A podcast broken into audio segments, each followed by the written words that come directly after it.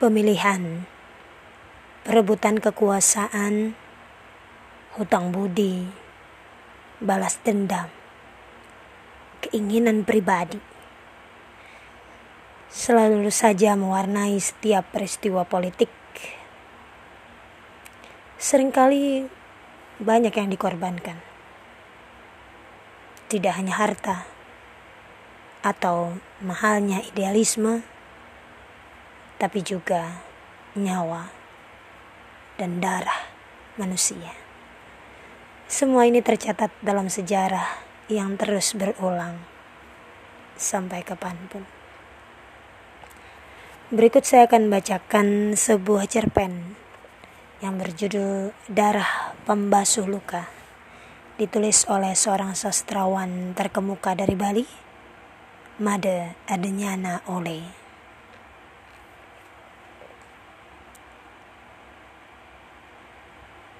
Luka di lutut kiri tantri tumbuh lagi. Mula-mula hanya bintik kecil dengan hmm, bunga nanah yang anggun. Tapi kemudian membesar. Bintik itu mengembang seperti gunung kecil dengan kawah nanah yang siap meledak jadi borok.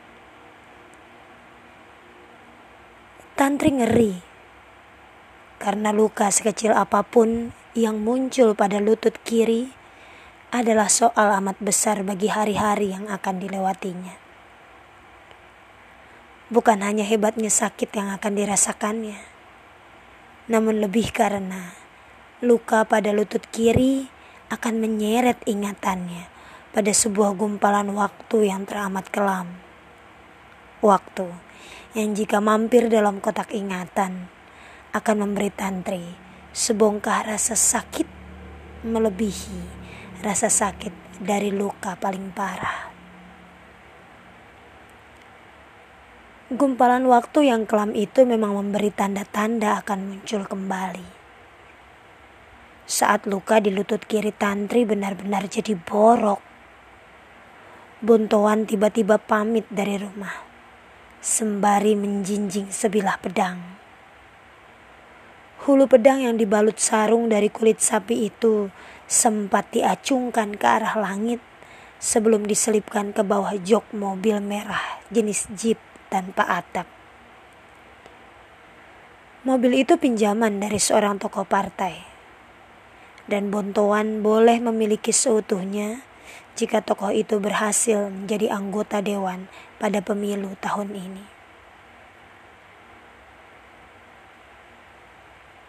Ke mana kak? Tanya Tantri.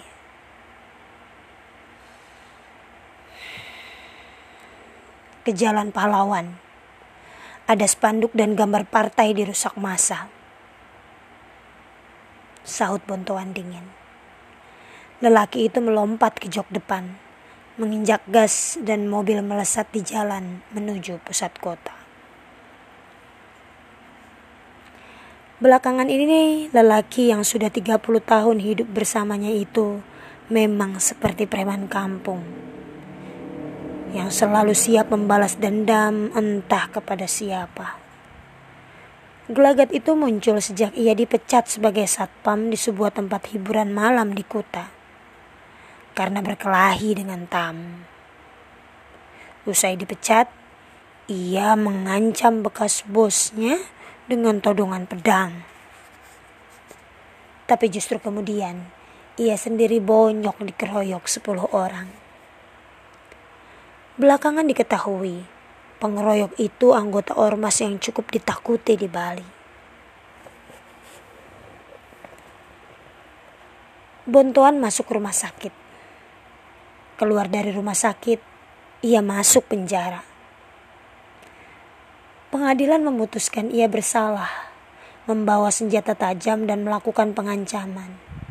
Sedangkan para pengeroyoknya bebas karena dianggap membela diri. Keluar dari penjara, Bontohan dibujuk teman-temannya masuk ormas di Denpasar. Bontohan langsung mau. Ia mau karena ormas itu musuh dari ormas yang dulu mengeroyoknya. Tantri tahu ormas adalah organisasi kemasyarakatan yang dibentuk secara legal, bahkan pengurusnya kerap dilantik gubernur atau bupati. Namun baginya, ormas tak lebih dari himpunan massa yang kadar kekuatannya diukur dari seberapa banyak jumlah anggotanya dan tingkat kemasyhurannya dihitung dari seberapa sering mereka berkelahi. Sejak masuk ormas, Bontoan kerap keluar rumah tanpa kenal waktu. Kadang pamit, kadang pergi begitu saja. Apalagi menjelang pemilu. Bontoan selalu keluar rumah membawa senjata tajam. Alasannya macam-macam. Tapi lebih sering berhubungan dengan partai.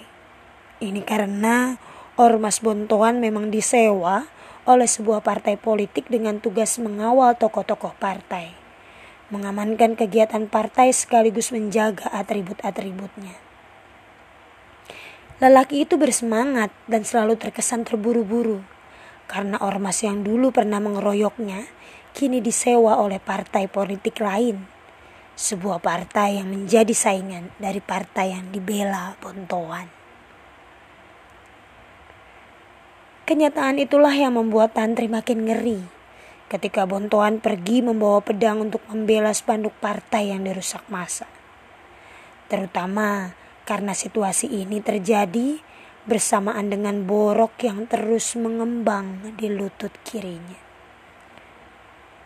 Partai politik, masa, pedang, dan luka di lutut kiri adalah hal-hal yang berhubungan dengan satu titik waktu paling kelam dalam riwayat hidup Tantri.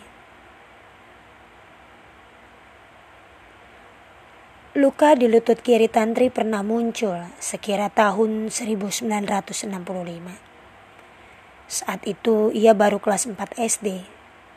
Seperti saat ini, luka itu juga muncul dan tumbuh begitu saja. Tanpa diawali dengan goresan benda runcing, semisal ranting, kayu kering, atau sisi pipih rumput ilalang. Tanpa dimulai dengan sayatan benda tajam, semacam pisau dapur atau hulu kapak besi. Luka itu muncul begitu saja.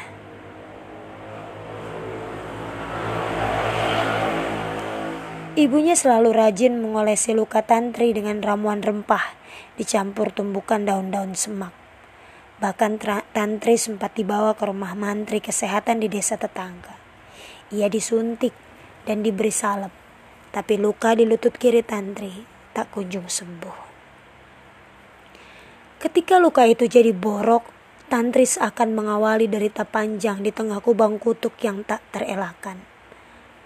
Awalnya, ia masih bisa memaksa diri berjalan kaki ke sekolah, menempuh jarak 3 kilometer dengan menyeberangi dua sungai berbatu, mendaki tiga bukit kecil, dan menuruni tiga jurang di tengah-tengah hutan bambu. Meski ia harus menyeret paksa kaki kirinya, namun ia bisa melewati jalan-jalan sulit dengan hati gembira. Itu karena teman-teman sekolahnya selalu siap membantu sekaligus menghiburnya dengan lagu-lagu dolanan sepanjang perjalanan. Seminggu berlalu, kaki kiri Tantri tak bisa digerakkan. Namun ia tetap ke sekolah. Ganggas, ayah Tantri, harus menggendongnya setiap pagi ke sekolah dan setiap siang saat pulang ke rumah. Ganggas seorang ayah yang kuat secara fisik dan mental, sekaligus penyayang keluarga. Kekuatan tubuhnya membuat banyak orang takut Apalagi ia dikenal sebagai pelatih di sebuah perguruan bela diri milik Uwak Kajong. Seorang tokoh partai politik di wilayah kecamatan. Tantri terharu. Ayahnya yang ditakuti kini justru mengabdi sepenuh hari pada dirinya. Saat pagi, Tantri digendong ayahnya hingga masuk kelas. Ayahnya terkadang menunggu hingga Tantri duduk di bangku dengan nyaman.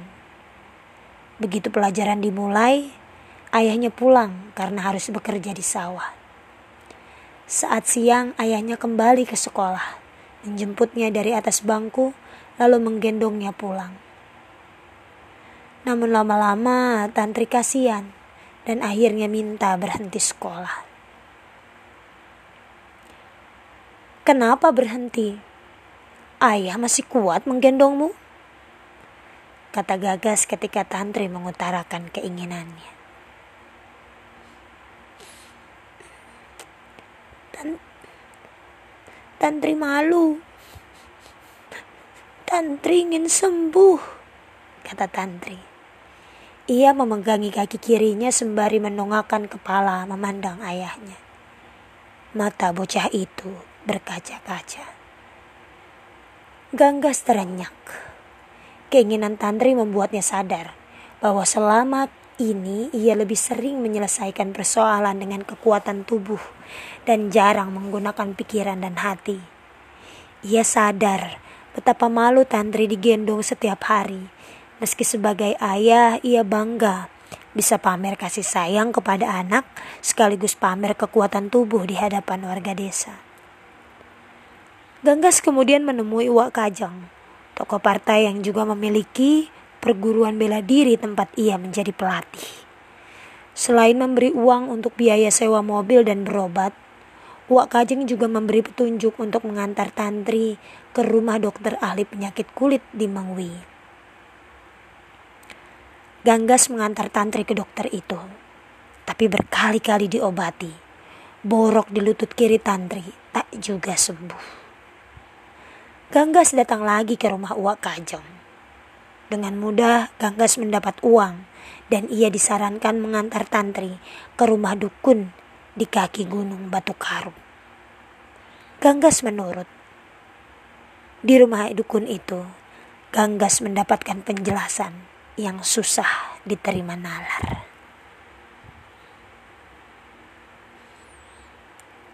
Ini bukan luka biasa.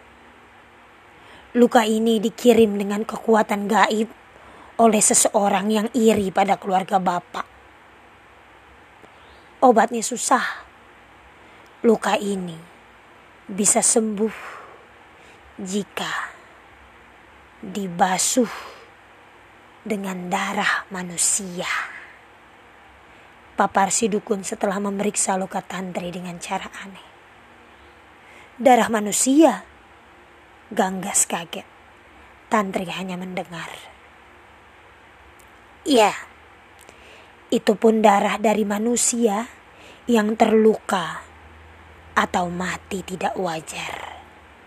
Tegas si dukun. Dukun gila. Ganggas menyumpah dalam hati. Tanpa ingin mendengar penjelasan lebih lengkap lagi, Ganggas langsung mengajak Tantri pulang. Di rumah, Tantri melewati hari-hari dengan berbaring saja di kamar. Ibunya tetap rajin mengobati luka Tantri dengan ramuan rempah-rempah dan tumbukan daun semak. Namun, borok itu tetap ada. Ganggas putus asa. Ia jarang pulang dan lebih banyak mengurus perguruan bela diri. Saat ia sibuk merekrut murid dari berbagai desa, terjadi konflik politik. Namun, sebagai pelatih bela diri di perguruan milik Wak Kajang, ia dianggap antek-antek Wak Kajang yang partainya tiba-tiba dicap pengkhianat bangsa. Wak Kajang sendiri menyerah lalu dijemput masa dan digiring entah ke mana sedangkan Ganggas menolak untuk menyerah. Ketika masa menyerbu perguruan, Ganggas sudah siap dengan pedang di tangan. Seorang diri ia hadapi masa yang jumlahnya lebih dari seratus orang. Tantri yang terbaring di kamar kemudian mendengar kabar. Ayahnya terbunuh Mayatnya diseret masa di jalan. Kepalanya pecah, ditumbuk benda tumpul. Darah mengucur deras dan berceceran di jalan. Mendengar kabar itu, Tantri terseduh. Ia ingat kata-kata si dukun. Dan ia membayangkan darah ayahnya. Ketika mayat Ganggas digotong warga desa, darah segar masih mengalir dari lubang luka di kepala. Tantri sempat bimbang. Namun dengan keluguan seorang bocah, ia meraup darah itu dengan tangan, lalu dibasuhkannya ke borok di lutut kiri.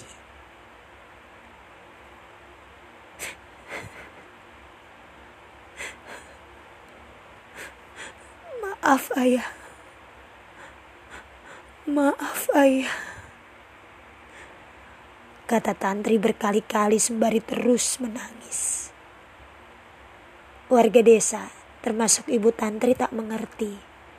Dan hanya Tantri yang paham tentang apa yang sedang dilakukannya.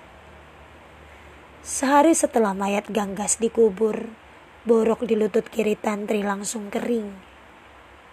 Dan tiga hari kemudian benar-benar sembuh.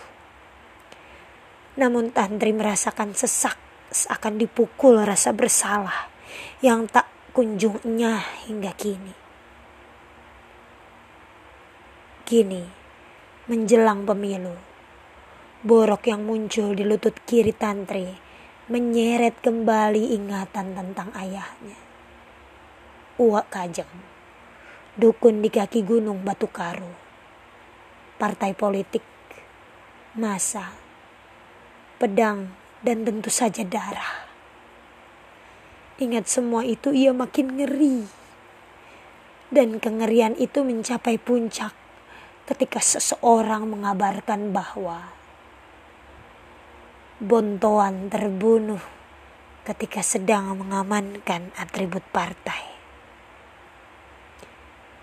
Ia dikeroyok masa, mayatnya diseret di jalan. Darah mengucur deras dari lubang luka di kepala. Tantri berusaha menahan tangis. Ia memandang borok di lutut kirinya dengan tajam dan ia membayangkan darah suaminya. Kompas Minggu 23 Februari 2014 halaman 20